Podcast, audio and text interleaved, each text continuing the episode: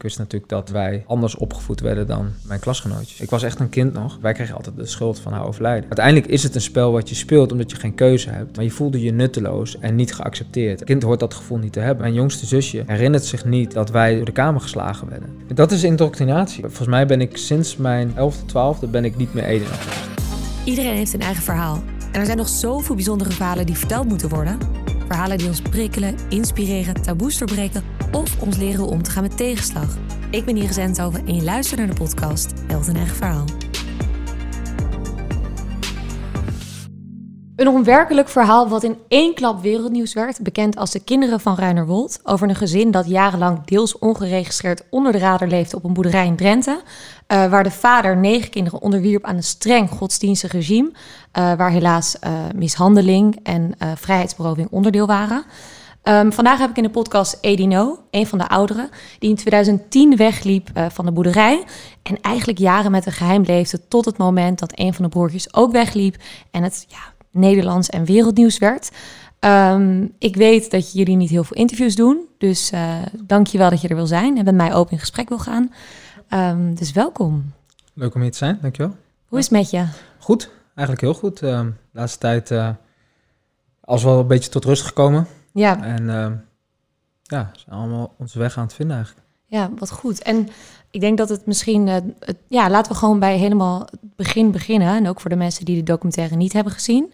Ja. Um, kan jij de, je jeugd en de familiesituatie schetsen? Um, zeker. Um, nou, ik ben geboren in een uh, gezin met uh, negen kinderen. waarvan drie, de drie oudste, laat maar zeggen, geregistreerd zijn door mijn vader. Het grappige is dat ik al een dag te laat aangegeven ben. Oké. Okay. eigenlijk 9 augustus jaar vroeger altijd thuis gevierd eh, op 9 augustus. Officieel op 10 augustus, dat staat op mijn ID-kaart. Dus um, ja, na mij um, kwam Israël en die is niet meer aangegeven. Dus mijn, uh, broertje na mij. Waarom eigenlijk niet? Um, Waar ja, zit het verschil in? Weet, weet ik eigenlijk niet. Kijk, achteraf hoor je natuurlijk uh, waarom dat zo was. Maar ik, ik, durf niet te stellen dat het op dat moment ook zo was. Ik denk dat het op dat moment gewoon een gevoel was van ik ga het niet doen. Ja. een soort van, ja, zeg je dat? Weerstand tegen de regels. Ja. En um, ik denk dat hij dat bij mij ook al misschien lichtelijk had en dat het daarom al een dag te laat was. Dus, um, en achteraf is daar natuurlijk een, een, een verhaal omheen gebouwd. Um, dat ja, de bedoeling was om mijn jongere broertjes en zusjes zo op te voeden dat ze niet, ja, niet laat maar zeggen, het pad moesten volgen ja. wat alle anderen moesten volgen. Geen onderdeel waren van de maatschappij eigenlijk. Ja, nou, ze mochten wel onderdeel van de maatschappij zijn. Maar het is gewoon zo, als je geregistreerd bent, dan zijn er gewoon een aantal regels. Ja. En daar moet je aan houden. Het pad is eigenlijk een soort van al voorgestippeld. Je moet naar school, je moet eerst naar de basisschool, naar de middelbare school. Um, ja, dus aan die ontwikkeling ontkom je niet. Zoals ik, ik ben daar niet aan ontkomen. Gelukkig niet, achteraf ja. natuurlijk. Um, alleen als kind dacht ik daar echt wel anders over. Ja. maar ja, um, ja, zij hebben dus wel, ze hebben zeker wel opleiding gehad, ook thuis ook wel, maar ze zijn niet naar school gegaan. Dus jullie zijn met negen kinderen thuis, ja. een vader en een moeder. Ja. En jullie gaan met drie daarvan wel naar school en de anderen blijven thuis. Dat klopt. Um, hoe verloopt dit? Hoe is deze situatie? Um, nou ja, wij, wij gingen gewoon, wij maakten gewoon 's ochtends uh, wakker, maakten ons klaar voor school en uh, wij stapten op de fiets naar school, als drie oudste. En um, ja, de rest niet. Dus Nee. eigenlijk, ja, zo simpel is het eigenlijk. Maar moest je dat dan geheim houden? Ja, zeker. Ja. Maar het was, kijk, ik, ik kan me niet meer herinneren eh, hoe dat gegaan is. Ik ben heel blij dat we een geluidsfragment, een audio-opname terug hebben gevonden. In dat oude fragment zegt mijn vader dus tegen ons van, ja, ik wil jullie uitleggen waarom eh, ja, God ervoor gekozen heeft. Hij, hij, hij zei altijd dat hij, hij vond dat alles wat hij deed uit naam van God was. Dus meestal zei hij dan ook van, ja, God wil dit of God wil dat. En ehm, dus hij zei van, ja, God, ik wil jullie uitleggen waarom eh, God heeft besloten dat eh, ja, de rest, en dan noemde hij de namen, laat maar zeggen, niet naar school gaan en jullie wel. En ehm, ja, dat voor ons legt hij uit waarom. En zegt hij dan, het is ons geheimpje. En ehm, ja, ik was altijd wel een beetje een flap uit. Dus het mooie is dat in dat, of het mooie, maar ja, ergens vind ik dat ook wel weer mooi. Maar in het oude fragment richt zich dan tot naar mij van, vooral jij niet één, vooral jij mag niks tegen Niks zeggen. Ook ja. niet zeggen dat we een geheimpje hebben, want het zou helemaal dom zijn als je dat zou zeggen. Ja. Dus ja, zo is dat dus ontstaan. ja Dat is het moeilijk om dat geheim te houden toen? Ehm, ik, ik weet niet hoe dat was in, op de basisschool. Ik denk dat het zulke dingen gewoon vanzelf gaan. Je weet waarom. Je, Je, luistert praat er niet over. Je praat er niet Nee. over. ehm, en wij, ze wisten wel dat we, er nog andere kinderen waren. Dus, want vroeger, ik ging gewoon met broertje de hond uitlaten. We gingen gewoon naar buiten. We waren gewoon altijd ook wel buiten aan het spelen ook. Dus, ehm, maar we zeiden niet dat het onze broertjes zusjes was. En ja, wie gaat nou vragen aan iemand anders van... hé, hey, maar is dat kind wel geregistreerd? Dat gebeurt niet nee, natuurlijk. Dus ja, hetzelfde het is gewoon een nichtje dat op bezoek is. of- Precies, ja. ja. Dus het kon eigenlijk van alles zijn. Dus we hebben er eigenlijk als, als kind heb ik daar nooit echt rekening mee gehouden. Ik wist wel dat ik natuurlijk niet mocht zeggen dat het mijn broertjes en zusjes waren. Ja. En ik wist ook wel dat ik niet mocht zeggen dat ze niet ingeschreven waren. Maar ik wist ook niet precies wat het inhield toen Nee. nog. Dus het was, ehm, ja, ik denk dat dat gewoon een soort van natuurlijk gelopen is.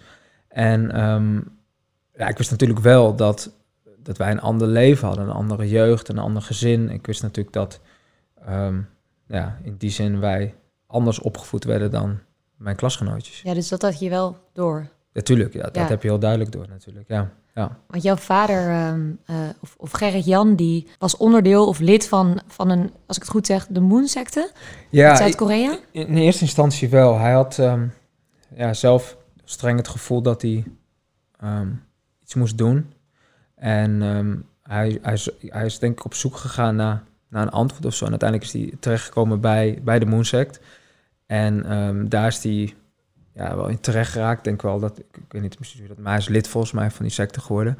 En uiteindelijk is hij daar ook uitgestapt. En is hij eigenlijk zijn eigen beweging begonnen met zijn eigen geloofsovertuiging. En zijn eigen beeld van eh, hoe het ideaal eruit zou moeten zien. En dus het was nog los van, van de Moon-secte.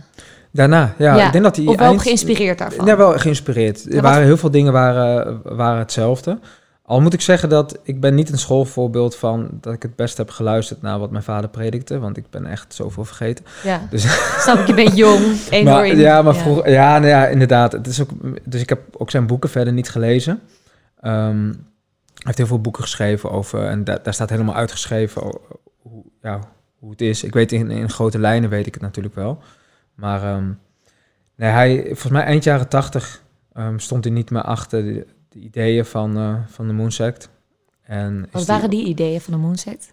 ja, nou ja, sowieso had je, had je maar één God. Dat, dat was eigenlijk ook overal wel hetzelfde. En ehm, uiteindelijk had iedereen op aarde was gelijk en iedereen had een taak, en Ja. een missie. En die missie, je was gewoon geboren om je missie te vervullen. Dat, dat, dat, dat moest je gewoon doen.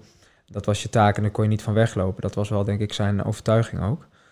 En ehm, ja, het is ook zo dat volgens mij was er een moment, wat ik me goed herinner, was er een moment dat Sun Myung Moon, zo heette dan die secteleider, dat hij had gezegd dat hij God ge- gekroond had of zo. Dat had hij ooit een keer in een speech Ja. of zo gezegd, gezegd. En volgens mij was dat het moment dat mijn vader zei van ehm, dat hij zijn geloof juist verloren was. Moon dan, omdat dat Je niet kon kon. Precies, ja. Gerrit Jan was echt in de overtuiging van... ik ga een nieuw geloof starten. Ja. En daar mensen onderdeel van maken. Ja, ik denk, zo kun je het wel zeggen. Ik denk dat hij zelf meer gewoon dacht dat, ehm, dat het niet een soort van nieuw geloof startte, maar dat was het geloof. En Ja. hij moest mensen weer terugbrengen tot, tot dat. En hij had een ideaal beeld van Eden, waarin... ehm, Eden is de, is de ideale ja, wereld. het ideale wereld, Ja. inderdaad. Uiteindelijk is dat, is dat volgens mij niet zoveel anders als wat in, in de Bijbel ook eh, beschreven staat. Ehm, ook daarin, dat, dat weet ik natuurlijk niet allemaal. Dus het kan zijn dat ik daar dingen zeg die niet, niet helemaal waar zijn. Maar zijn, hij wilde gewoon een ideale wereld en iedereen had daar een rol in. En wij ook. Ja. Alleen, ehm, ja, de manier hoe hij wilde dat wij, laat maar zeggen, dat daaraan hielden, dat was, dat, dat was niet de juiste manier. En Ja. welke manier was dat? Nou, het was gewoon onder dwang. Dus op het moment dat je dus iets, iets niet wilde, of je bent een kind, je hebt je, je, kinderlijke karakter natuurlijk. eh, je snapt ook niet alles en je, je doet natuurlijk je doet altijd dingen fout. Maar wat is fout? Hij vond dan bepaalde dingen fout, wat, waarvan ik denk dat dat gewoon onderdeel is van kind zijn. En ja, dat, dat mocht niet. En dat maakt niet uit wat voor leeftijd je had. Daar, daar waren gewoon straffen voor. En wat waren de straffen? Ja, wat niet? nee, Ja. ja, nee, sorry. Het is het, is het echt zo. ehm, eh, het was natuurlijk gewoon fysiek altijd. We, maar ook voornamelijk. Wat ik zelf altijd het ergste vond. Tuurlijk, het, het fysieke straf eh, was, was erg. Maar ik vond altijd het, het afzonderen en het. Ga maar naar boven, ehm, ga maar bidden. En dan moest je naar boven. En dan kreeg je geen eten. En dan moest je ja, in je kamer blijven tot je een keer. ehm, de moed had verzameld om naar beneden te gaan. En wat je dan deed is, wat ik altijd deed, is ik ging altijd zo zitten. ja, Ja. zat ik eigenlijk te, te bidden en te hopen dat ik een antwoord kreeg. En op Ja. een gegeven moment had ik een antwoord. Ja, ik bedoel, als je lang genoeg nadenkt, dan heb je vanzelf een antwoord waar je van denkt van oké, dit zal wel goed zijn. We wisten welke treden ook kraakte en we wilden niet dat hij het door had dat we naar beneden gingen, want we moesten echt zoveel moeten verzamelen dat ik soms een half uur tot een uur voor die deur stond van Ga ik het toch, doen? ga ik het doen, ga ik het niet doen. Soms weer naar boven, via de trapleuning, want die kraakte niet. Ja. Gingen via de trapleuning weer naar boven. En dan uiteindelijk eh ging je naar binnen de deur in en dan stond je daar. En ja, ik, ik lach, maar het is eigenlijk Ja. helemaal niet grappig. Maar dat is omdat dat is de manier hoe ik ermee omga. Maar Misschien Ehm, omdat het absurd is? Dat, dat het is van- absurd, ja, inderdaad. Ja. Maar gebeurde dan, dan, dan stond je en dan durfde je niet, niet te praten. Maar hij liet je soms gewoon ook gewoon staan. Ik kan me herinneren dat ik soms een uur daar gewoon gestaan heb. Dan kwam ik naar beneden om wat te zeggen, maar dan negeerde je gewoon compleet. Totdat je dan zelf dacht van, oké, moet ik dan nu beginnen? En dan begon Ja. je ineens met praten. Ja. En dan, eh, ja, dat kon altijd twee kanten op gaan. Er, er zijn echt wel momenten geweest dat het goed was daarna. Maar meestal was het nooit goed. En had hij een andere mening over wat je dan verkeerd had gedaan. En ehm, dat, uiteindelijk ging dat gewoon van kwaad tot erger. Dus de, hij ging de confrontatie aan. En ehm, ja, dan werd je gewoon wel in elkaar geslagen. Ja. Flink ook wel. En uiteindelijk, als je dan soort van klein genoeg was en je kon echt gewoon niks meer toebrengen, of hij was moe, ik weet niet wat het was. Uiteindelijk, soms uren achter elkaar, dan stopte hij. Ja. En dan had hij ook wel. Ik, had, ik heb altijd het idee gehad dat hij daarna een soort van spijt had. Wat je nou, meestal hebt als je achteraf denkt van ik heb wat verkeerd gedaan of zo. Dat je denkt van had ik niet moeten doen. ja. Kijk, en dat gaat het natuurlijk bij de meesten gaat het om kleine dingetjes. Maar ja, ehm, ik had wel het gevoel dat hij spijt had, een bepaalde man- manier van. Want dan, dan was het ook altijd goed, was hij extra lief. Of dan, ja, het klinkt heel stom. Wat voor jou natuurlijk heel verwarrend is, want je bent dan net in elkaar geslagen. Ja, maar dan heb je dan daar behoefte daarna- aan. Ja, dan Ja. heb je daar echt behoefte aan. En dan, dan werkt dat juist heel goed. Ik Ja. weet niet eens of het... Misschien is het wel juist een heel eh, psychologisch iets wat, wat zo werkt. Ik, Ja. ik, weet, ik ben ervan overtuigd dat het zo werkt. Alleen ik weet niet of hij het bewust deed of niet. Daar, daar twijfel ik soms nog over. Soms denk ik dat het misschien gewoon een gevoel was. Soms denk ik dat het een bepaalde tactiek was. Maar ja, Ja, om niet te zorgen dat jullie helemaal vervreemd nou ja, werden. Ja. precies. Kijk, als je, iemand, als je iemand alleen maar blijft afstoten... dan op een gegeven moment ging je krijgen wat er uiteindelijk gebeurd was. Dan denken wij van, nou ja, weet je, dan, Dan ga ik weg. dan, dan ga ik weg. ja. Eh, zolang je iemand elke keer weer terughaalt en elke keer weer het gevoel geeft dat hij toch nog waarde heeft, dan, Ja. dan blijf je toch nog wel. Ja. Ja, dat snap ik. En eh Gerrit Jan zat ook in de geloofsovertuiging dat hij eh, via mensen geesten. Ja. Hoe waren die sessies? Sessies, Eh, weet ik zo noemen. ja, nee, die, die, die waren, die waren nou ja, wel, wel, wel heftig. Zwaar, heel zwaar. Ik was echt een kind nog. En dat ik, ja, ik was 12 jaar en ik ging gewoon naar school. Dus eh, ja, ik ging naar school, kwam je thuis, ging je zitten. En dan ehm, moest je zo, nou ja, zogenaamd je geest in je lichaam laten komen. En dat, dan ging je met hem in gesprek. Je deed alsof je die of die was. Omdat je geen andere keuze had. Als je Voelde je dat dan ook zo, omdat je toen nog Nou, geloofde? Enerzijds, ene kant wel, andere kant niet. Ik heb echt wel momenten gehad dat ik dat echt wel geloofde. Dat ik echt wel van, dat is gewoon zo. Maar kijk, uiteindelijk, je hebt gedachten. Hè? Iedereen denkt door de hele dag door, denkt die dingen. Kijk, als je die gedachten gaat, jezelf gaat wijsmaken dat die gedachte iemand anders is die dat tegen jou zegt. Ja. Ja, dan is het heel makkelijk natuurlijk. En, ehm, want ja, er gebeurt zoveel in je hoofd. Alleen, En dus dan kan je eerder altijd- meedoen. ja, precies. Ja. Maar je, je moest ook wel meedoen. Want wat het, het punt is, als je het niet deed, dan, dan kreeg je straf. En totdat je het wel deed. Ja. Kijk, en je was zelf in de lead van hoe lang dat ging duren. Want als jij dus eh, het bleef zeggen van ik ga het niet doen, of ik doe het niet, of ik kan het niet, dan uiteindelijk dan, ja, dan is het, het kiezen of delen, weet je. Uiteindelijk, Ja. je kunt dat gewoon niet aan, zeker niet als kind. En het is altijd, ik ben nooit zo, ik, ik spreek mezelf nooit zo uit over de straffen, maar ik bedoel, dat is gewoon, die waren gewoon heel heftig. En dat, dat, dat- die zijn ook gewoon op, op bepaalde, bepaald vlak, op geen enkel vlak eigenlijk, maar zijn, of, of op elk vlak niet menselijk. ja. Dus ja, dat is, ehm, Nou ja, in de documentaire komen er ook een aantal aan het licht natuurlijk. ja, ja. Ook over eh, eh, dat eh, jouw oudste broer dan in een langere tijd zich moest afzonderen in een hondenhok. Ja, Of het niet eten of de fysieke straffen. ja nou ja, de hondenhok was de schuur. Ehm, we hadden gewoon een schuur als we, als we binnenkwamen bij de achtertuin. Dan had je eerst de schuur en dan had je de, de, voor- eh, de- ja, het huis natuurlijk. En wat vaak gebeurde is als, dat je thuis kwam van school en dan stond de deur op de klip. Dus Ja. dan kon je niet naar binnen. En eh, hij had dan, je- we moesten altijd bellen als we vrij waren. moesten we altijd bellen van oké, we zijn vrij. We komen nu naar huis.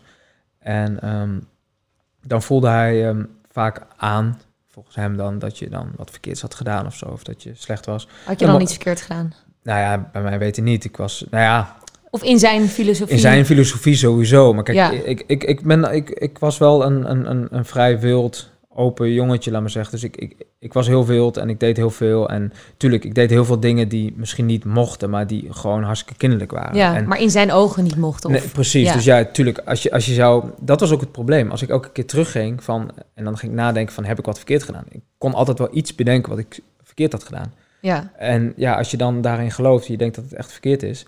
Weet je, ehm, je bent ook jong. Ik weet, ik, bijvoorbeeld, ik weet nog een keer dat we... Het was toen op school was dat zo dat we dan eh, doen durven de waarheid deden. En ik moest een keer een meisje een kusje geven. En dat had Ja. ik toen gedaan. En het was echt... Ik, ik wilde het echt niet, maar ik wilde het ook weer wel. Dus Tuurlijk ik had wilde je gewoon, het, eh, want je was jong, maar je wilde Dus ik- niet omdat je... En ik dacht daarna, ja. was, ik voelde me ook gewoon zo slecht. Want ik dacht van ja, dit, dit mag echt niet. Want dat was echt, in mijn vaders ogen wa- waren dat echt hoofdzondes.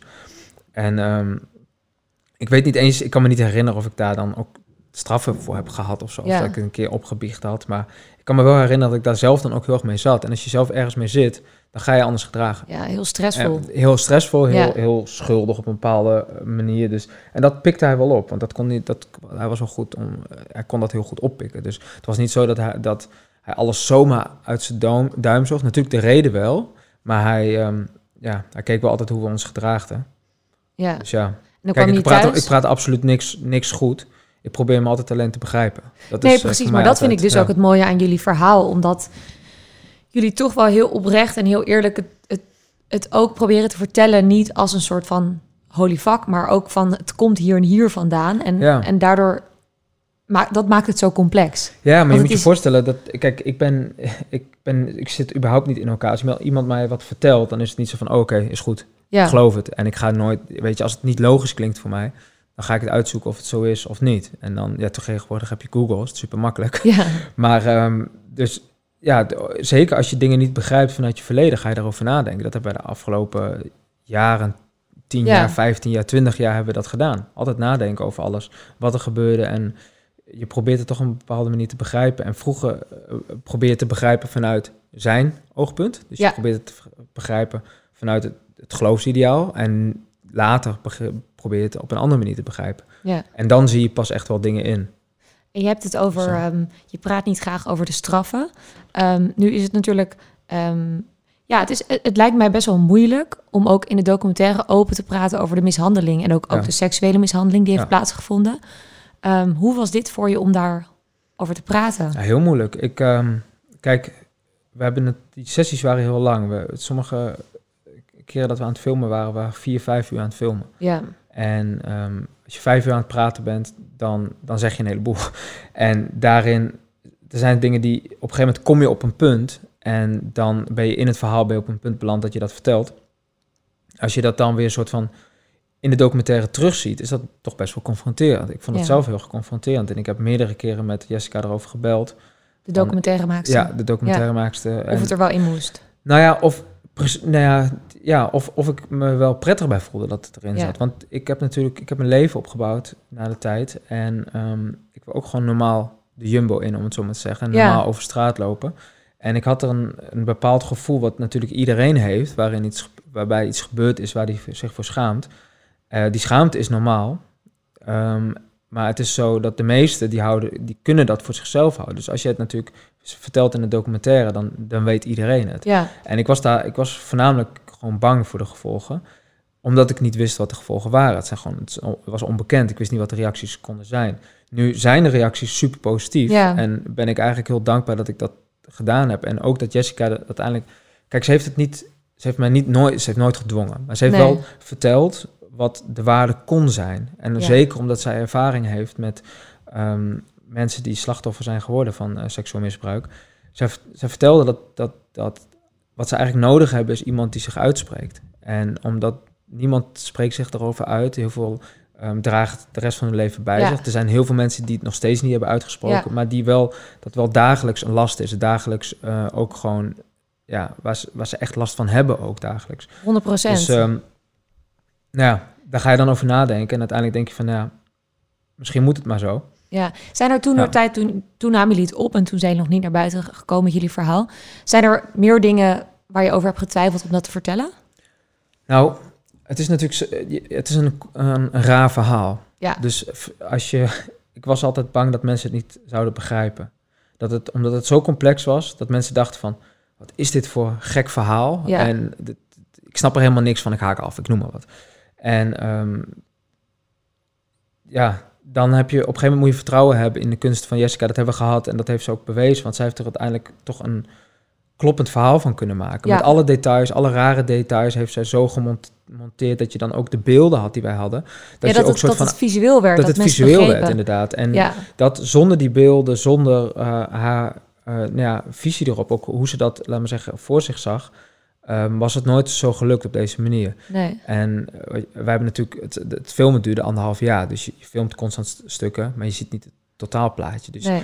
in dat anderhalf jaar heb je constant twijfel over dingen. Dus denk je van, Moet ik dit wel of niet zeggen? dit wel of ja. niet doen, of, of wat dan ook. En Ja. eigenlijk over alles wel, totdat je het ziet, en dan zie je het geheel, en dan denk je, oh, het klopt ineens. Ja, Dus eh, plus wat ik heel, heel mooi vond eigenlijk, is om voor het eerst stukken van mijn broer en van, van mijn beide broers en van mijn zus te zien die ik zelf ook nog niet zie. Want kijk, het, de interviews zijn natuurlijk deels bij elkaar, maar Ja. heel vaak ook gewoon alleen. En als je alleen in, in een kamer zit en je, dan spreek je en dan... Het is niet zo dat alle dingen... Er zijn ook dingen die ik verteld heb die mijn zus nog niet wist en dingen die van mijn zus vertelde. waar maar dingen waar jullie anders tegenaan keken. ja, maar ook gewoon Ja. een bepaalde emotie die dan erbij komt kijken. Wij kunnen soms onderling kunnen wij de emotie best wel weghalen. Ja. Dus dan praten we redelijk luchtig over dingen die helemaal niet luchtig zijn. En als ik dan bijvoorbeeld beelden dat ik dan Marjan zie dat ze dan nou, emotioneel is, Ja. dat, dat hakt er wel in. Ja, Ja. dat snap ik heel goed. En ehm, eh, de situatie vroeger, jullie zijn dan met z'n negenen, met je vader. Op een gegeven moment overlijdt jouw moeder Ja. Ehm, aan, aan kanker. Vanuit geloofsovertuiging heeft zij geen chemotherapie gehad. Kijk, en we weten nooit of de chemotherapie haar had gered. Maar eh, feit is wel dat er niet alles aan gedaan is door de geloofsovertuiging. Dus ik wil niet zeggen dat het, dat het daardoor kwam, want uiteindelijk ze had eh, kanker, eh, darmkanker, en ze was er slecht aan toe. Ja. Dus, maar ik heb, het blijft wel in je hoofd spoken. Dus ergens heb je wel zoiets, wat als? Dan was echt alles anders geweest. Dus Ja, dat- hoe, hoe was jouw moeder in de situatie? nou, in die situaties was gewoon heel zwak. Ik was erbij toen ze overleed. Ehm, en zij kende mij niet meer. Ik zat aan, aan het voeteind. En ehm, het ging eigenlijk heel goed met haar. Ze wilde eten.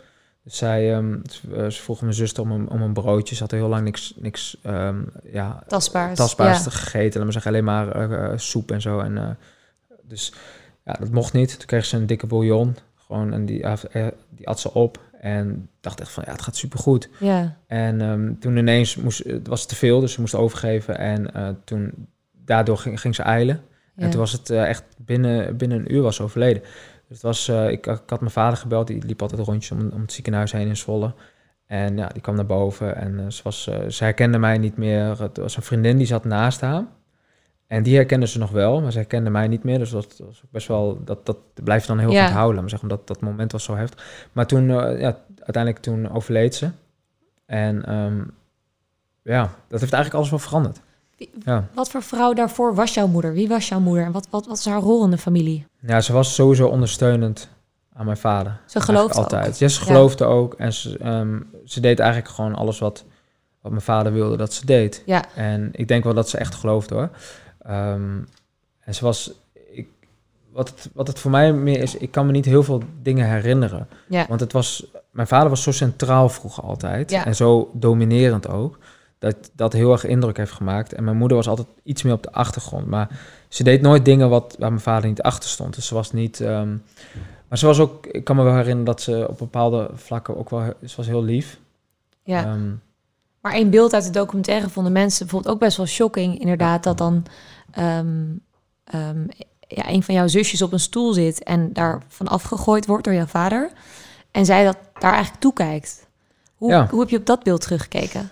Ja, dat was zoals het was. Kijk, dat, dat, dat beeld wat, waar, waar, dat is één beeld wat opgenomen is. En dat, dat is iets wat wekelijks gebeurde, zulke dingen. Soms Ja. dagelijks. En soms ook periodes niet. Maar soms ook periodes elke dag. Gewoon echt gewoon, gewoon heel intensief. En zij zou, zij zou nooit daartussen staan. Ze zou nooit een opmerking maken. Dat zou ze nooit doen. Die, die positie had ze ook niet en die macht had ze ook niet. Wat het des te treuriger maakt eigenlijk. Omdat ehm, ja, een relatie zou niet zo moeten zijn dat de een niet zijn mening kan geven. Het, is gewoon, weet je, dat, dat, dat, dat, daar klopt al helemaal niks van. Alleen, ja, ook wederom als kind zie je dat niet. Nee. En, maar waarom veranderde alles toen na haar overlijden? Ja, ik, omdat ik, ik heb het gewoon het idee dat hij het daarna een beetje kwijtgeraakt is. Hij was het natuurlijk al kwijt, maar daarna was hij, ik denk dat hij daarna heel erg doorgedraaid is. Hij had het hele ideale plaatje van hem, het hele, alles stond met een gezin, met, Ja. met een man en een vrouw aan, aan het hoofd en dan kinderen. En dat, daar was eigenlijk alles op gebouwd. En nu was er eentje ineens weggevallen en dat moest ergens zijn fout zijn. En dat, ging, dat sprak hij ook heel erg uit. Wat heb ik verkeerd gedaan? En uiteindelijk zei ik heb niks verkeerds gedaan. Dus moest het eigenlijk aan iedereen om hem heen liggen. En ik, mijn, ou, mijn Shin en Marjan, mijn oudere broer en zus en ik, wij kregen altijd de schuld van haar overlijden.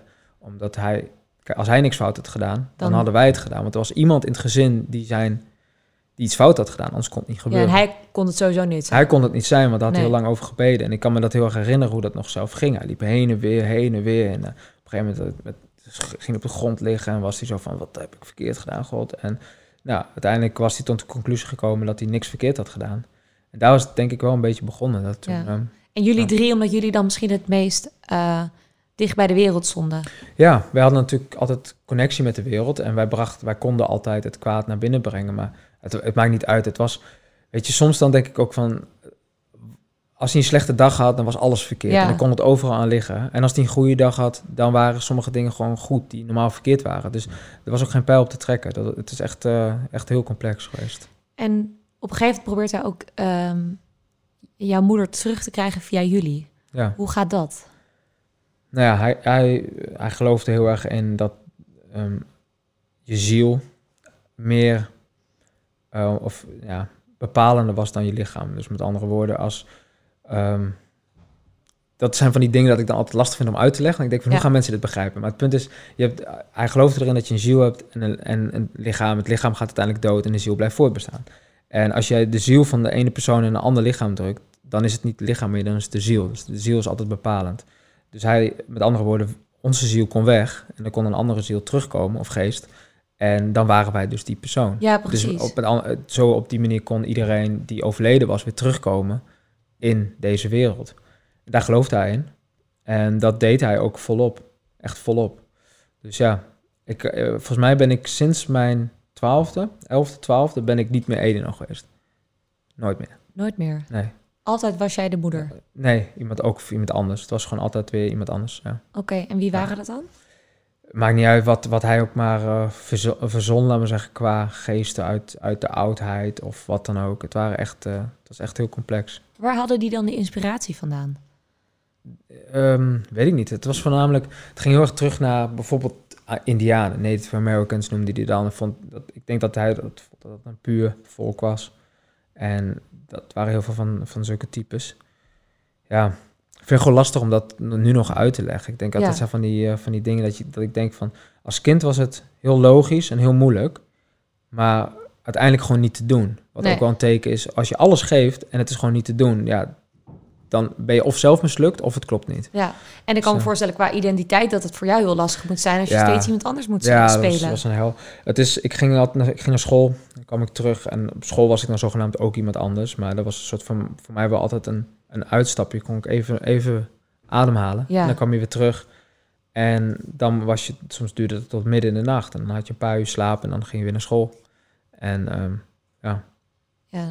En, en, en wat moest je dan, wat voor taken moest je dan als moeder ook, of als jij dan in die rol zat of dingen? Nou, in, in, in die rol was het gewoon, ja, je, je was gewoon zijn vrouw op dat moment. Dus eh, eigenlijk moest je gewoon de rol die mijn moeder dus vroeger had, moest je overnemen. Dus ja, zat ook gewoon een beetje in een stoel te luisteren naar wat hij zei. En En ook het ko de, je koken, dingen deden, zorgen, ja. precies zulke dingen eigenlijk gewoon, ja. Ja. Maar voornamelijk toch wel heel veel zitten altijd. Heel veel zitten en heel veel in gesprek met hem.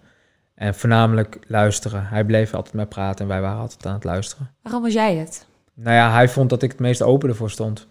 En ehm, ik zou voor de grap, misschien eh, moet ik later maar acteur worden, want blijkbaar kon ik gewoon best. eh, Een spelen. meespelen, ja. Ja. Nou ja, kijk, het, het klinkt, het, het is best wel zielig eigenlijk om dat zo te zeggen, maar het is uiteindelijk wel zo. Want uiteindelijk is het een spel wat je speelt omdat je geen keuze hebt. Ehm, alleen je gelooft er op dat moment wel in. Ja. En je denkt dan van, dan zal dit wel de manier zijn om, de, om het te doen. En de ene kon dat natuurlijk beter dan de ander. Ik weet dat mijn zus daar heel veel moeite mee had. Die kon dat niet. En ja, zij was daar dan ook altijd de dupe van. Ja, dus die werd dan meer gestraft. Die werd dan gestraft of ja. ja, was mislukt en die was het niet waard om dat te zijn. Het ging ook om waarde. Hè? Op het moment dat je dat dus deed, was je niet boven op, op, op, op zolder. Je, was niet, je, kreeg, je kreeg eten, je hoefde niet te vasten. Dus ja, je had... je koos eigenlijk je ko de makkelijke weg. Ja, nou niet eens de makkelijke weg, maar meer om waardevol te zijn. Ja. Kijk, um, ergens was het makkelijk om boven gewoon te zitten, maar je voelde je nutteloos en niet geaccepteerd. En dat hele gevoel, een kind hoort dat gevoel niet te hebben. Een kind hoort het gevoel te hebben om 100% gewaardeerd te worden, zeker door de ouders. En um, dat gevoel werd niet gegeven, behalve op momenten. En als, als dat op momenten gegeven werd, was dat zoveel waard. Ja. Dat het soort van, het gaf weer een soort van voeding boost voor om, weer... boost ook. Maar ja, was weer even, je balkje was weer even gevuld en dan kon je weer even een tijdje mee door. Ja. En um, ja. Hoe was dit voor je broertjes en zusjes? Ja, zij waren natuurlijk heel jong, dus zij uh, op dat moment, dus zij hebben dat niet echt op deze manier meegemaakt. Ik heb, ik, nu ga ik die gesprekken ook wel eens aan en Kijk, zij, zij zeggen van, oké, wij erkennen dat jullie een ander leven hebben gehad. En wij erkennen dat, dat er dingen gebeurd zijn die niet hadden moeten gebeuren. Maar wij hebben dat niet zo ervaren. En zij herinneren het ook gewoon niet. Mijn jongste zusje herinnert zich niet dat wij door de kamer geslagen werden. Dat herinnert zij zich niet. Dus ja, dan, dat kan ik ook niet kwalijk nemen. Nee. En was jij op het moment al bewust dat het mishandeling ook was? Ja, ja dat, daar ben je heel erg van bewust, want die speelt natuurlijk altijd wel mee. Ik weet nog dat ik met twee blauwe ogen op school kwam en vertelde dat het van het smink gekomen was, wat ik af had geveegd, laat maar zeggen, van Sinterklaas, dat we gesminkt hadden.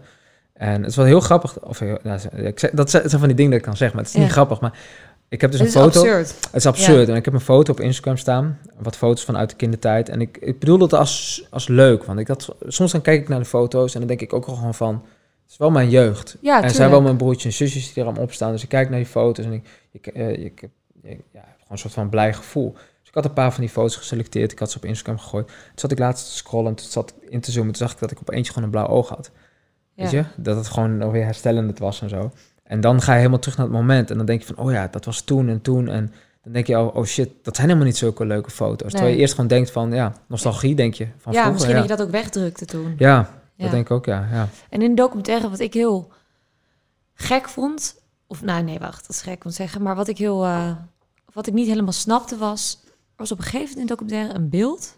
dat hij ook twee gevangenen had. Ja. En daar hoor je eigenlijk verder niks meer ja, over. Ja, we krijgen daar heel veel vragen over. Maar dat was, dat was dus de, de zoon van mijn moeder. De oudste zoon van mijn moeder. Die had een, een huwelijk daarvoor al gehad... waarin een zoon had. Um, en onze opa, de vader van mijn moeder. Ja.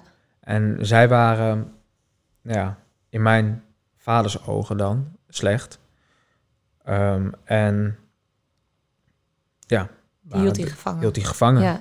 En waarom ja. waren ze slecht? Omdat zij niet geloofden? Ja, dat is, het, het is bijna gewoon niet meer te zeggen waarom. Gewoon omdat ze niet voldeden aan zijn verwachtingen. Eigenlijk is dat het gewoon. Ja. Het is eigenlijk het beste antwoord wat je kan geven op, op al die vragen.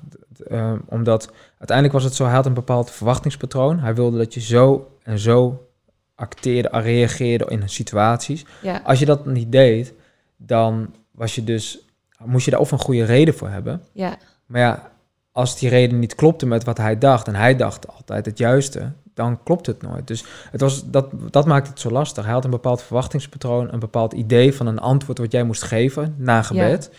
Als dat dan niet matchte, dan, dan, klopt het niet. Dan was het dus door iemand anders. Dan was het dus extra slecht. Want je had niet alleen dus eerst wat fouts gedaan. Je had vervolgens ook nog zelf wat verzonnen en dan gezegd dat dat Gods woorden waren. Ja, precies. Dus ja, weet je, dat was... Uh, hoe lang hebben zij opgesloten gezeten?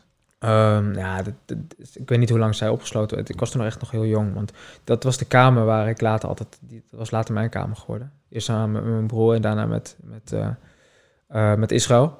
Dus ik denk dat ik toen een jaar of drie was of zo. Ja, wat, wat is er dus, met hen uh, gebeurd? Zijn zij... Mijn, uh, ja, dat is eigenlijk maar, gewoon mijn opa, maar die, hij, is, hij is gewoon natuurlijk doodgestorven. Hij is uiteindelijk teruggegaan naar Oostenrijk en is daar uiteindelijk gewoon aan ouderdom uh, overleden.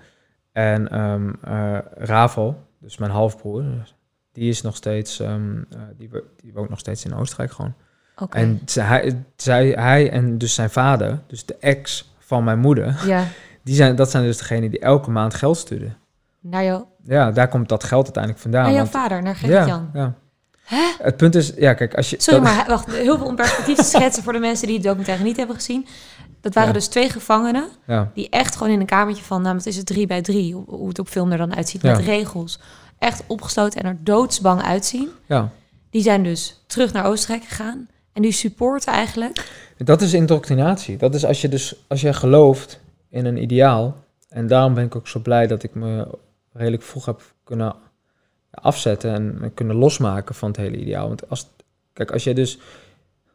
Dat is, een be- is misschien een beetje hard als ik het zo zeg. Maar ik denk van. Als je dus niet in staat bent om zelf na te denken over, over de dingen die Ja, zo zijn. En je bent dus, je gaat volledig mee in wat iemand anders zegt. En dat kan meerdere oorzaken hebben. Dat kan dus, het is niet een aanval naar hen toe, maar het kan natuurlijk ook een oorzaak zijn dat mijn vader hen altijd onder de duim heeft gehouden en zo klein heeft gemaakt dat ze. Ehm, maar zij geloven er echt in. Zij geloven echt nog steeds dat hij de messias is. En ze geloven nog steeds dat hij het juiste deed. En zij stappen daar niet van af. dus zij, waren, zij zijn nog voelden zich ook niet onder druk toen ze gevangenen waren. Ehm, ik denk uiteindelijk niet. Misschien Nee. op het moment wel, fysiek natuurlijk wel. Ja, En er zijn ook momenten geweest dat je er klaar mee bent. Maar kijk, het feit is dat als jij vervolgens toch besluit om de rest van je leven te werken voor iemand anders. En elke maand eh, stuurde ze geld op, net als Jozef, die deed dat ook. ja. Jozef, Moest- even dat- voor de context, ja. dat, dat was dan Klusjesman. de klusjesman Ja. die ook in jouw vader geloofde. Ja, er waren gewoon, zoals je het eigenlijk kunt gewoon zeggen, het waren gewoon volgelingen. Ehm, en net als dat de Moonsect duizenden volgelingen heeft, die ook al die kerk supporten. Die, eh, die kerk is hartstikke rijk, want die wordt door al die volgelingen wordt elke maand Ja. gewoon geld eh, over, overgemaakt of gegeven, geofferd. Ehm, eigenlijk om hun eigen, ehm, ja, soort van, hoe zeg je dat? Ja, gewoon om het in stand te houden. Om het in stand te Ja. houden. En ook omdat, omdat degene die het, dus, die het dus leidt, die heeft daar geen tijd voor. Nee. Die moet zich bezighouden met geestelijke zaken. Dus, en, en daar geloven zij in en daarom deden ze dat. Ja, Ja. oké, dus, ja, dus, dus ja, bizar eigenlijk om, om te Ja. beseffen, toch? Ja, En op het moment besluit je om weg te lopen. Kan je ons meenemen naar deze situatie? Ehm, ja ik, ik leefde dus... Ik had mijn, eh, mijn broertjes en zusjes al jaren niet gezien. Ja, want, ik vier jaar niet. want je oudste broer en zus waren inmiddels al weg. Ja, die waren an- mijn zus was anderhalf jaar voor mij weggegaan. Mijn broer was een jaar voor, voordat ik wegging, eh, weg, weggaan. Ehm, Wat wat deed ik, dat met jou? ehm, ik heb daar niet echt een gevoel bij gehad, volgens mij. Het was gewoon zo, ze Ja. waren weg. Ja, ik, ik, ik ging naar school en eh Shinny moest altijd de deur achter mij dicht en op slot doen. Dus ik ging naar zijn kamer om hem wakker te maken. Of kamer. Ik moet daar wel even bij zeggen. We leefden gewoon in een werkplaats. Ik sliep op de grond onder een werkbank. Op, op gewoon beton met een matje op bet- beton. En mijn broer in een ander soort hok, laat maar Ja, zeggen, zelf gefabriceerd. Dus echt kamers waren het niet. Maar ik ging naar zijn plek toe en zei ik van... eh, of om hem wakker te maken en dat ik naar school ging. Nou, dus ik klopte aan. Ja, niemand deed open, dus ik deed dit, dat deurtje, laat maar zeggen, open. En zag dat hij weg was. Dus ging kijken bij de, bij de schuifdeur. En toen eh, dus waren die sleutels zo onder de schuifdeur weer teruggedrukt. Dus nou, Ja. wist ik eigenlijk al genoeg. Ehm, Had je het voor die tijd wel eens erover van we twijfelen met z'n allen aan de situatie? Of was het niet bespreekbaar? nee, nee wij, dat, wij spraken onderling niet. Ik, had, ik sprak niet met mijn broer. Nee, dus als jij twijfels Ja. had, was dat niet dat je dat eh Nee, voor in jezelf natuurlijk. Maar ik- Ja. ja. het was echt, het is ondenkbaar. Maar ik had geen, op een gegeven moment geen contact met mijn broer. Ik denk een jaar lang niet. Ik vond het wel jammer natuurlijk. En ik heb toen een jaar lang met Jozef gewoond. En ik ging naar school en ik werkte wat. Ik, had, ik, bouwde, ik maakte zelf gitaren ook en zo. Ik was daarmee bezig, was een project. En verder was ik eh, gewoon bezig in de meelmakerij, roeren maken en eh, Mhm. gewoon met hout bewerken. Ik had zo lang ook al geen contact met mijn vader. We waren gewoon helemaal weggedrukt. Er was gewoon geen, was geen meerwaarde meer. Ik mocht geen contact Het was geen onderdeel hebben. van de familie. Totaal omdat je te onder- was. Ja, maar ook gewoon, op, ik, ik heb het op, op een gegeven moment ook het idee dat hij dingen ook gewoon liet. Dus het was gewoon, maakt niet uit of je zijn kind was, op een gegeven moment wa- ver- ver- verwaarloosde die gewoon en dan, dan Ja. keek hij niet meer echt naar je om.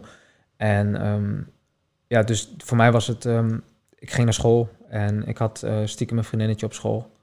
En ik zei tegen Jozef elke keer dat ik huiswerk ging maken bij, bij iemand. Maar ik Ja. ging dan stiekem naar mijn vriendinnetje toe. En toen was het, zomervakantie brak, was, was, was bijna begonnen. Of het was net begonnen, of hij was bijna begonnen. Maar ik, ik zei in ieder geval nog steeds dat ik, dat ik naar school ging, dat ik huiswerk moest maken. En hij had, Jozef die, eh, die had eh, de school gebeld en die had eh, gevraagd waar ik was. Nou, dat zei ze bij zijn vriendin. Dus ja, toen was hij daar zo achter gekomen. Dus ik, kwam, ik weet nog, ik kwam thuis en hij was ja, super boos op mij. En hij zei van, ja, dit, ja, dit was, je kans heb je gewoon verspeeld. En dus ja, gewoon super boos. Hij zou het tegen mijn vader zeggen. En ik dacht gewoon, ik, ik was in zomer of een vakantie daarvoor was ik al een keertje in een, letterlijk opgesloten in, eh, gesloten in een, schapenkooi.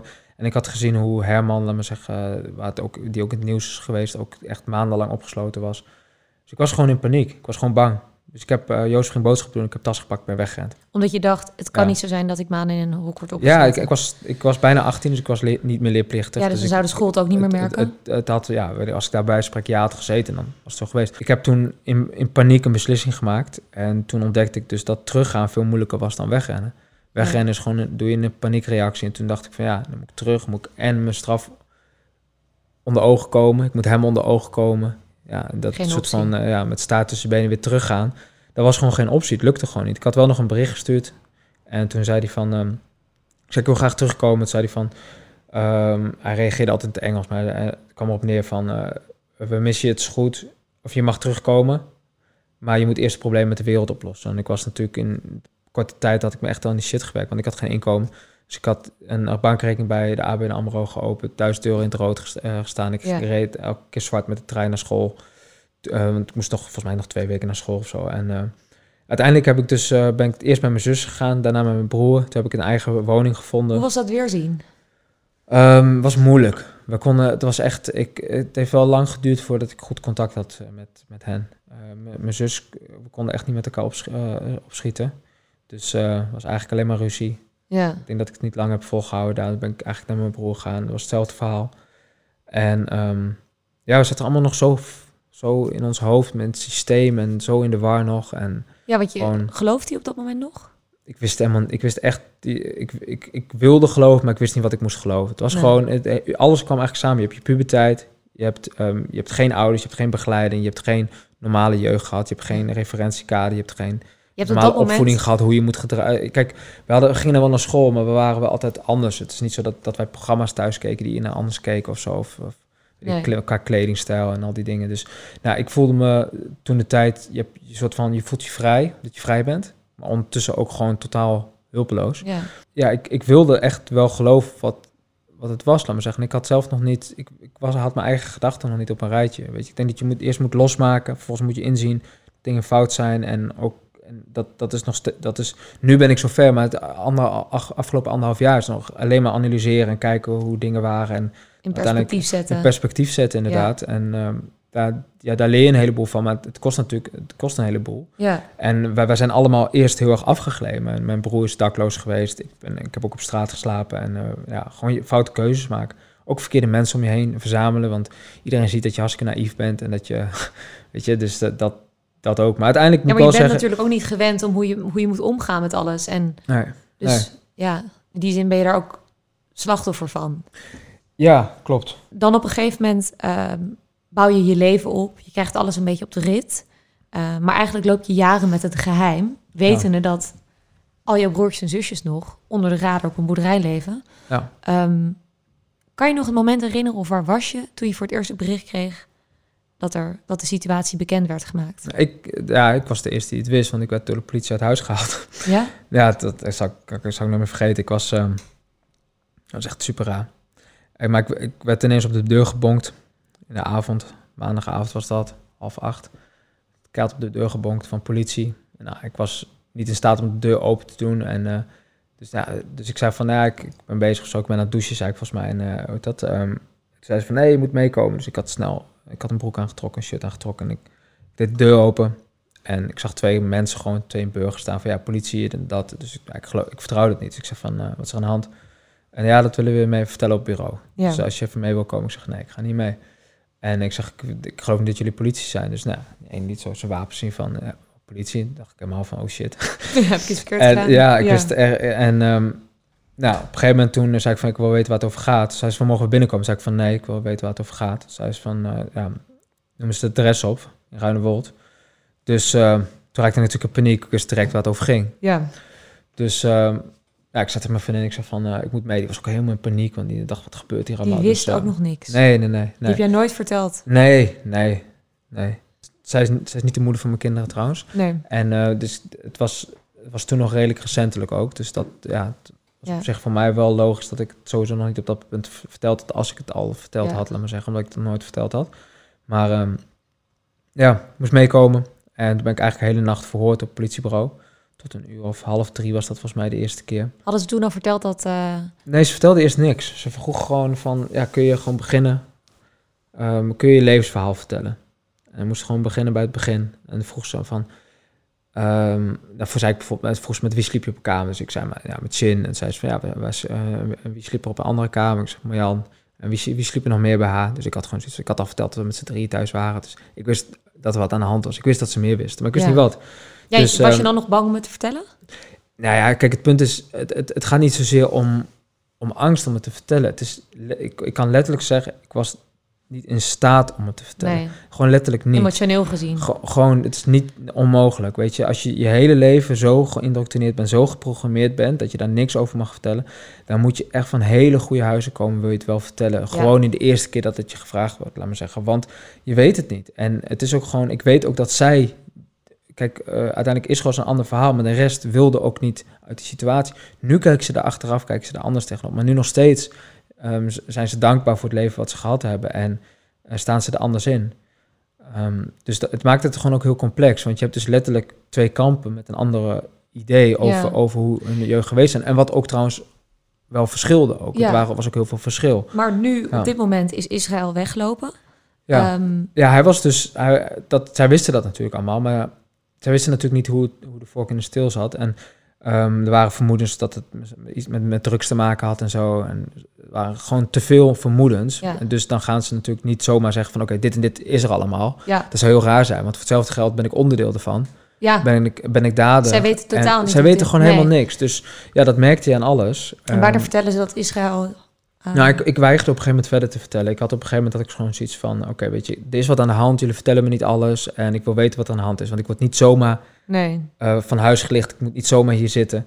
En ook nog met... Ik mocht niemand bellen. Ik moest direct in de auto mee. Ja. Ze reden ook gewoon met, door de stad met 80 km per uur. Zo wap, weg en zo. dat was echt uh, als ik ontvoerd werd. Maar... en um, ja... Op een gegeven moment een, zei hij van, ik ga even overleggen. Dus hij liep weg. Ging overleggen, kwam niet terug. En zei van, nou, ik heb gebeld. Ik en besloten om je alles te vertellen. Dus nou, toen vertelde ze van uh, dat uh, Jan Zon, waar ik geen flauw deed wie dat was natuurlijk, ja. Um, ja, zich gemeld had. En uh, ja, dat ze uiteindelijk naar de boerderij zijn gegaan. Dat ze een zo uiterst zorgelijke situatie aantroffen, zoals ze dat zeiden. Toen wist je hoe laat um, het ehm, was? Nou ja, ongeveer wel. En toen zeiden ze van, toen, vertel, toen was ik al natuurlijk al een beetje in paniek. En toen vertelden ze dat... Um, ja, dat ze dus uh, iedereen daar aan, aan troffen, laat maar zeggen. Ja. En toen, ik brak toen gewoon. Het was gewoon echt veel. Dus ik, ik, ik was, ik, ik jankte echt zo hard. Ik was echt, volgens mij heb ik nog nooit zo hard gejankt in mijn leven. Maar het was gewoon, alle spanning kwam er gewoon ja. helemaal uit. Ik was gewoon niet te controleren.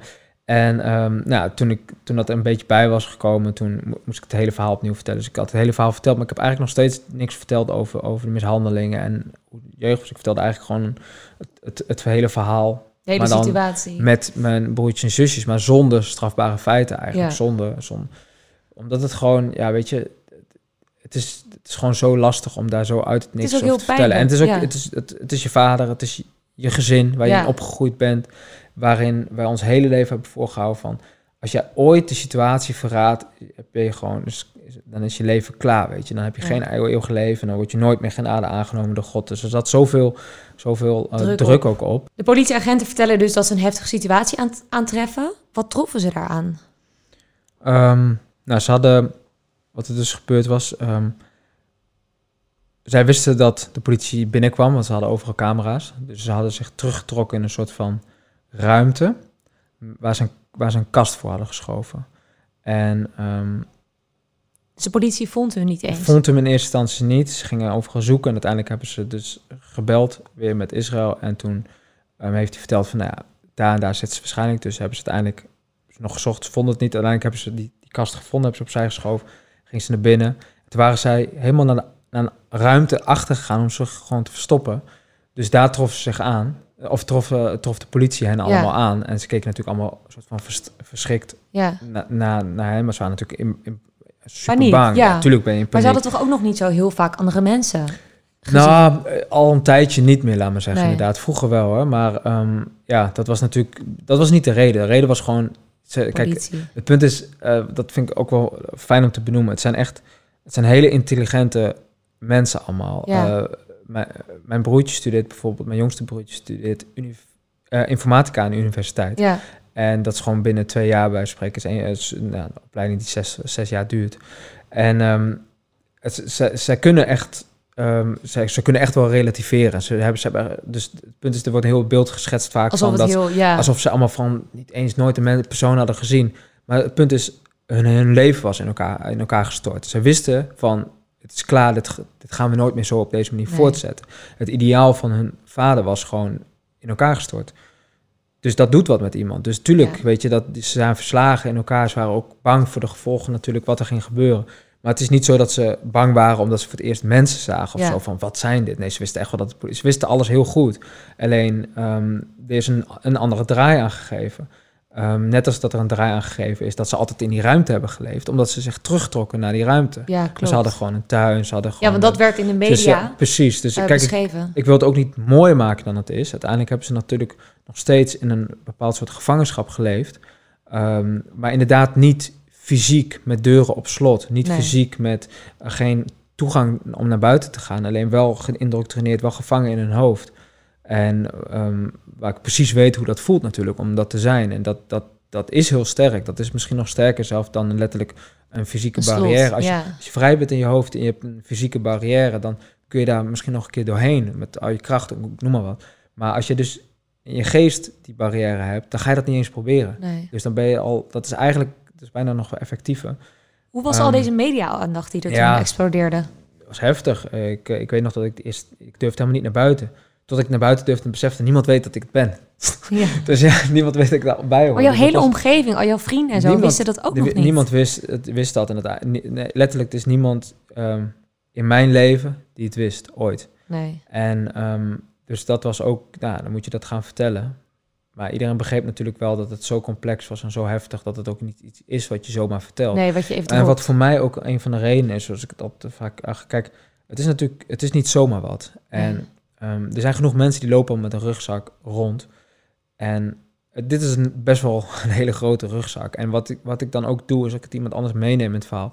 Ik plaats die rugzak ook bij diegene Ja, om het gewoon beter uit te leggen. schouders. Ja. Nou ja, dan hebben zij ineens een last die ze ook moeten meedragen. Moet zij ineens een beslissing maken van... ga ik hier wat mee doen of ga ik hier niet wat mee Ja. doen?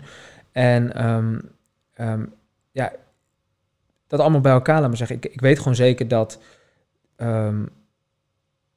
En je wilde an- andermans leven niet moeilijker maken niet door, moeilijker, door het geheim eh, te vertellen. Dat, dat onder andere, Ja. maar ook gewoon, het is, ja, het is gewoon zo complex. En we hadden onderling kwamen we er niet eens uit. Ja. We hebben heel vaak samen gezeten, hebben we het over gehad, wat moesten we doen, hele plannen bedacht. We hebben contact gezocht via Facebook. En Ja, want jullie zijn Ehm, inderdaad nooit met z'n drieën dan als, als degene die zijn weggelopen ehm, naar de politie gestapt of, iets. nee, maar kijk, je, je, je loopt weg uit een situatie waarvan je niet wil dat het naar naar de politie gaat. Want ehm, je kunt je niet losmaken, laat maar zeggen, in je hoofd. En dat is moeilijk voor mensen om te beseffen wat een, ehm, een geestelijke gevangenschap kan Ja. doen in je hoofd. Laat maar zeggen, je bent letterlijk niet in staat om zomaar daar wat aan te doen. Want dat betekent dat je je eerst hebt losgemaakt. Ja, Dus, en dat losmaken gebeurt vaak door een situatie, wat dus nu gebeurd is.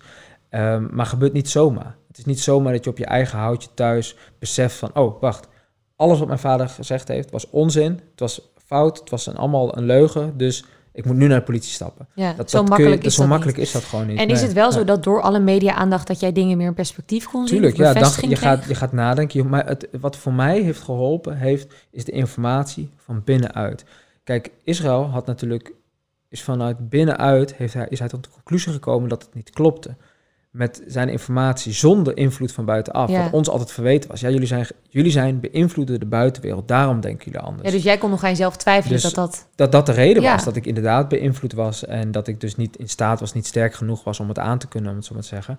En ehm, ja, uiteindelijk, je gaat in gesprek, heel veel gesprekken. Ik heb ook, zoveel dingen ben ik ook teruggekomen. Ik had, over heel veel dingen had ik een mening waarvan ik dan uiteindelijk besefte, als ik in gesprek ging met mijn broertjes en zusjes, dat zij daar heel anders over dachten. Dat het weer een voordeel was voor mij, omdat ik ervan uitging dat zij zo, zus of zo dachten. Dus ja, het is, dat vind ik wel mooi om te benoemen. Het is, het is een, wel een proces waarin wij allemaal nu stappen aan het maken zijn. Ja, En iedereen heeft volgens mij wel redelijk zijn plek gevonden. Ze zijn allemaal, eh, ze zijn allemaal aan het werk, hebben allemaal of, of aan de studie.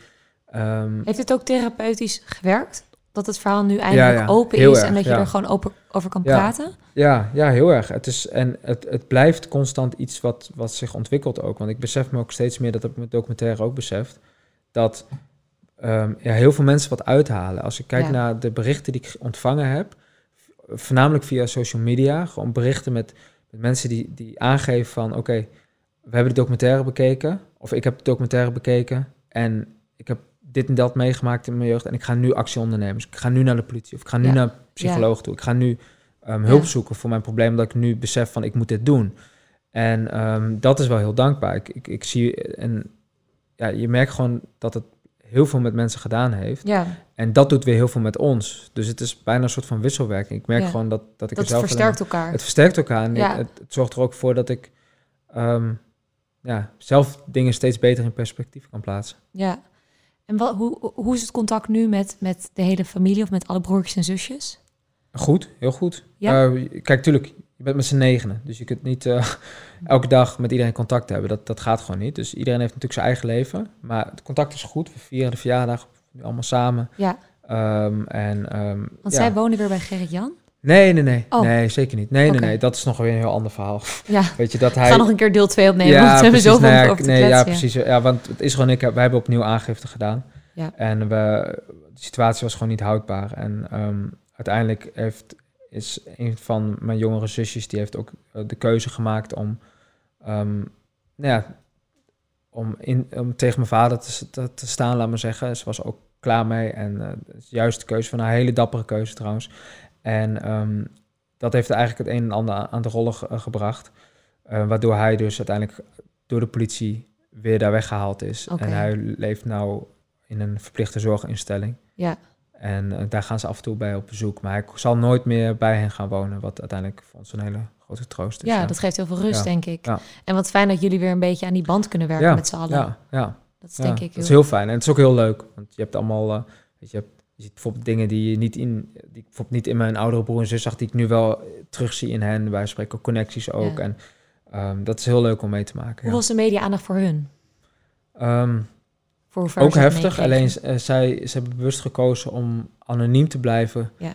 Ehm, waardoor ze dus niet ook nog eens lastig gevallen werden als ze ergens lopen of zo. Dus Ja. eh, en dat, ik denk dat dat de juiste keuze is voor hen geweest. Want zij moeten ook eerst maar hun eigen leven opbouwen. En ehm, ehm, ja, zelf gewoon de keuze maken. Ze mogen voor mij prima in het openbaar treden. Maar ik denk wel dat ze moeten beseffen van dat, dat, dat je niet meer terug kan dan. Ja.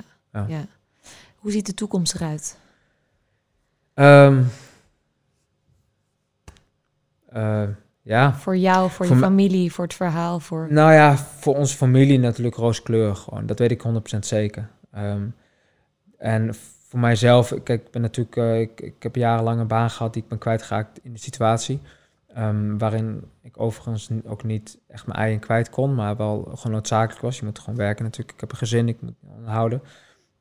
En nu, is het, nu heb ik de kans om, om te zoeken naar iets wat ik, wat ik echt eh, mooi vind om te doen. En ik, heb, ik, ben, nou, ik ben mijn eigen bedrijf gestart, Become You. ehm, omdat ik besef me nu, laat maar zeggen, dat ik nu voor het eerst in mijn leven echt mezelf kan zijn. Ik heb, ja, de rugzak is weg, het geheim is weg. Ik kan gewoon nu gewoon soort van helemaal vrij degene zijn die ik echt zou willen zijn, die ik vroeger nooit kon zijn, omdat ik vroeger altijd een rol moest spelen Ja. in de familie. En als je je hele leven een rol eh, speelt, dan is dat gevoel dat je voor het eerst echt jezelf kan zijn, eh des te waardevoller.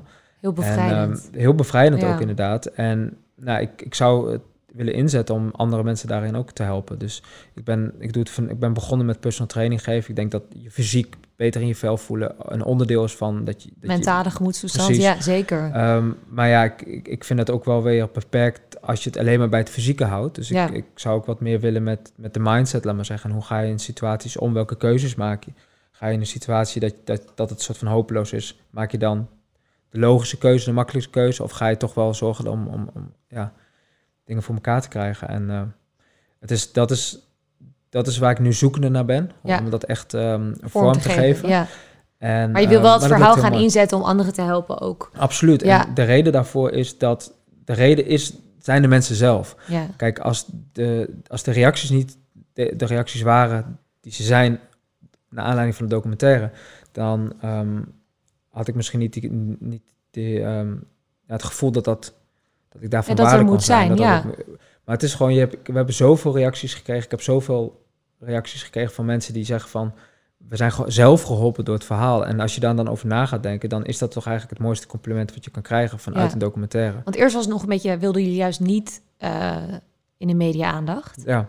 En nu, Ja, het is natuurlijk, we wilden ehm, zelf kiezen ja, voor dat moment. En constant werd alles voor ons bepaald. En wij wilden zelf degene zijn die bepaalde van oké, dit is wanneer we dit naar buiten willen brengen en dit is wanneer we dat naar buiten willen brengen. ja, En we wilden ook de reden om, een van de redenen om documentaire te doen is en om het verhaal te vertellen, maar ook om de onwaarheden het weg te, halen. Ja. want iedereen Ja. maakt er natuurlijk een heel verhaal van. Ja. Het is namelijk ook heel onwerkelijk. Ja, Ehm, eh, volgens mij kunnen wij nog echt eh, heel lang. Ja, ja dat is sowieso met, met dit verhaal, is het, je raakt nooit Ja, uitgesproken. misschien ja. moeten we maar een keer, eh, als mensen het tof vinden, een keer deel 2 opnemen. Want ja. we zitten inmiddels inderdaad al aan een uur. En ehm, ik vond het heel interessant. Ik heb daar nog honderd vragen. Ja, nou, is Ehm, goed, prima. Maar gaan we doen. En eh, wat wel tof is om nog even te benoemen, is dat jullie nu ook zijn genomineerd voor televisie. Ja.